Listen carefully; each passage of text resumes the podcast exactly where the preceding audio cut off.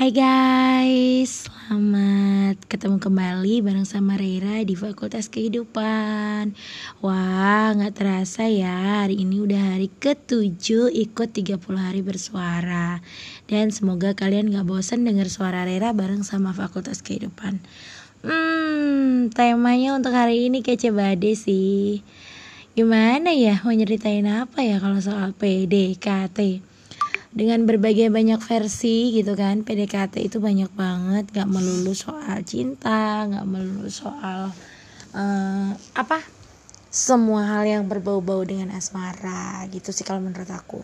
Dan PDKT yang paling harusnya sering kita lakuin adalah PDKT ke Tuhan.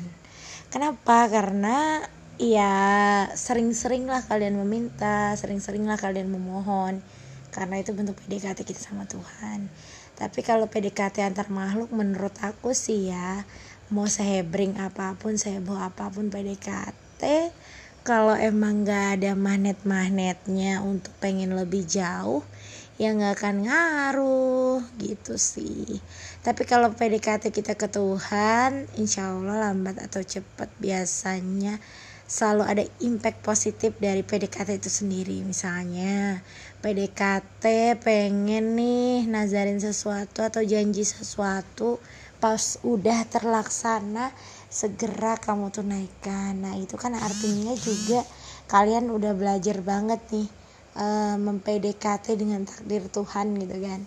Yang awal mula jauh banget berharap ada satu hal apa dan apa ketemu di mana. Nah itu juga bentuk PDKT kalian sama Tuhan seberapa presentasinya gitu dok. Eh dok. Sorry dok. Uh, apa? Seberapa berhasilnya PDKT yang kalian lakuin sama Tuhan? Gitu maksudnya. Ya karena tahu sendiri lah ya sekarang gak usah lah aku ngomong siapa-siapa. Diri aku sendiri yang masih cukup banyak kekurangan di saat beribadah di saat menghadap ke Tuhan. Itu biasanya terlalu banyak alasan dan nggak autofokus yang benar-benar datang untuk beribadah atau menunaikan tanggung jawab dan kewajibannya itu sekedar itu tanggung jawab itu jadi PDKT yang paling sulit menurut aku justru PDKT ke Tuhan. Karena kita harus konsisten supaya kita juga makin belajar lebih baik. Kalau PDKT kita ke samuan pasangan itu kayaknya udah nggak hal yang lumrah banget. Lumrah di mana kalau yang namanya PDKT orang ingin mencoba masuk dalam perasaannya itu otomatis harus memerlukan banyak usaha. Jadi inti dari PDKT itu sendiri sebenarnya nggak terlalu banyak kata tapi langsung berjalan dengan seiring usaha.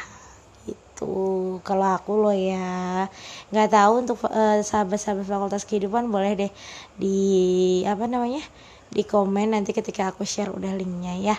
Menurut kalian PDKT yang paling hebring heboh keren dan hasilnya pasti memuaskan itu ke mana? Kalau aku jujur udah pasti tadi aku bilang PDKT ke Tuhan dan berharap hasil yang baik banget. Lebih ke kayak gitu. Tapi kan setiap orang perlu jalan masing-masing. Ada yang emang memerlukan bantuan orang lain nggak bisa langsung to the point curhat semuanya ke yang maha kuasa tapi bisa juga curhat dulu lewat orang yang benar-benar bisa kita percaya gitu. Jadi PDKT yang hebring yang heboh menurut aku justru kepada uh, pencipta kita dan yang kedua terhadap alam di sekitar kita. Karena kalau kita nggak peka nggak apa ya nggak bisa menyayangi mereka dengan perhatian kita alangkah lebih bagusnya mereka memang hidup di luar sana tapi ketika mau kita bawa ke lingkungan yang baik ya perlakukanlah dia juga dengan yang baik. Gitu sih. Aku udah lama banget sih nggak nikmatin momen-momen baik DKT dengan someone atau seseorang jadi nggak terlalu banyak mengingat. Jadi yang aku ingat cukup momen di mana ketika kita jatuh cinta dan menjadi seorang bahasa gaulnya sekarang apa sih? Bucin ya.